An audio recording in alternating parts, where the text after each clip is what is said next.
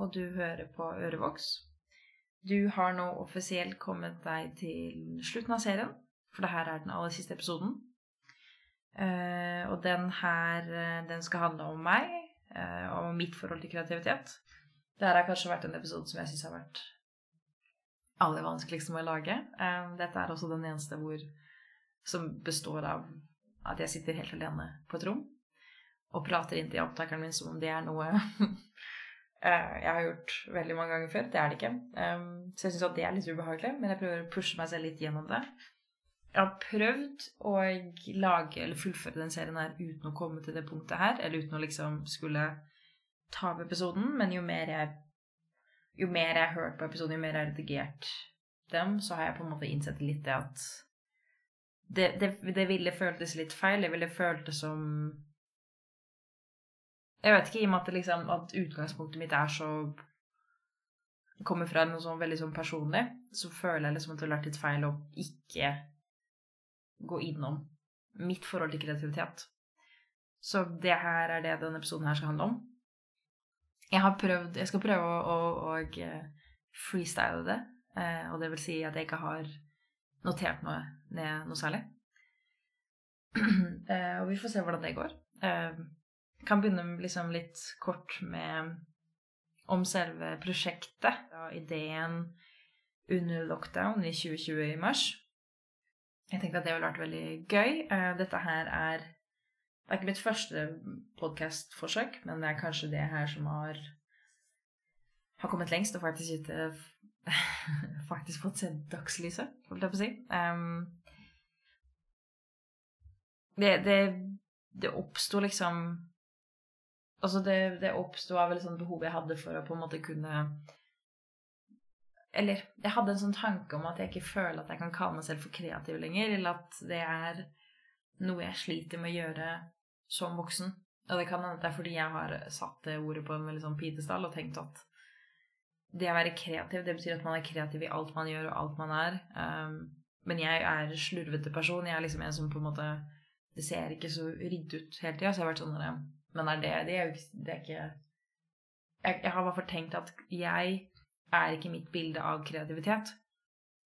Derfor kan jeg ikke kalle meg selv for kreativ. Uh, så prosjektet har vært har vært en, liksom en slags unnskyldning for meg til å kunne prate om andre sitt forhold til uh, kreativitet. Og da kunne liksom finne en måte å ta reclaime litt det ordet uh, om meg selv. For da jeg var liten, så tegna jeg og malte jeg og liksom gjorde alle de tinga der, men det var liksom ikke noe Man tenker jo ikke på at det er å være kreativ når man er barn. Det er liksom Det er bare det alle barn gjør. Hver eneste unge liksom tegner på skolen eller på barnehagen. Eh, eller i barnehagen, i hvert fall.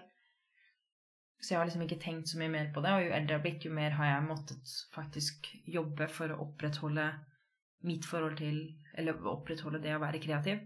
Det er liksom ikke så mange hvis ikke man selv lager en tid til å være kreativ i løpet av hverdagen, så er det egentlig ikke så mye fritid eller tid som er liksom hvor det er naturlig, da. Um, så jeg har ønsket å lage dette prosjektet litt som en sånn En måte å liksom ta tilbake kreativitet for voksne mennesker, uh, meg selv inkludert.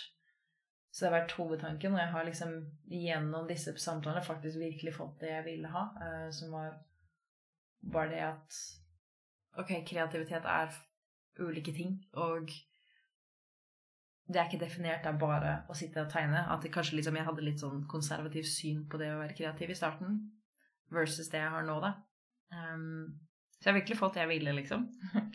det er en god ting. um, jeg hadde også veldig mye problemer fordi jeg har Eller grunnen til at det liksom har tatt litt lang tid, har også vært fordi jeg har gått rundt med en sånn tanke om at jeg har ikke et godt nok utstyr. For jeg har bare en altså, en båndopptaker som liksom har mikrofoner i seg. Det er ikke noe fancy utstyr. Det er jo sikkert veldig merkbart, antar jeg. Jeg er ganske ny på lydredigering eh, og lærte meg å bruke eh, altså et nytt eh, program da, bare til liksom kunne gjøre denne tingene. Så det har vært en enorm læringskurve. Eh, og jeg har brukt veldig mye tid på bare google YouTube tutorials. Så det har tatt sjukt lang tid. Uh, og jeg tror ikke at jeg helt var klar over hvor lang tid det ville ta, og hvor frustrert jeg kom til å føle meg for at jeg ikke får det til å høres ut som um, altså podcaster som blir gitt ut av ja, andre folk. Da. Så jeg har brukt mye tid på det. Og så har jeg liksom hatt litt godt av å på en måte ha den krangelen med meg selv.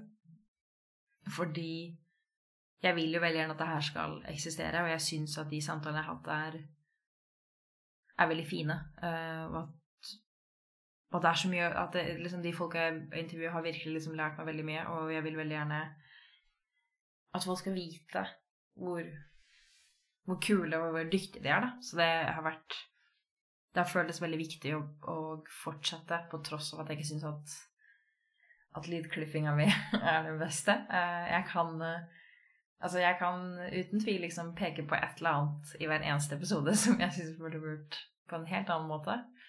Uh, men jeg har ikke tålmodigheten til det, for det første. Uh, og det syns jeg også er litt fint at, at, det er noe veldig sånn At det er noe uperfekt som eksisterer der ute, da.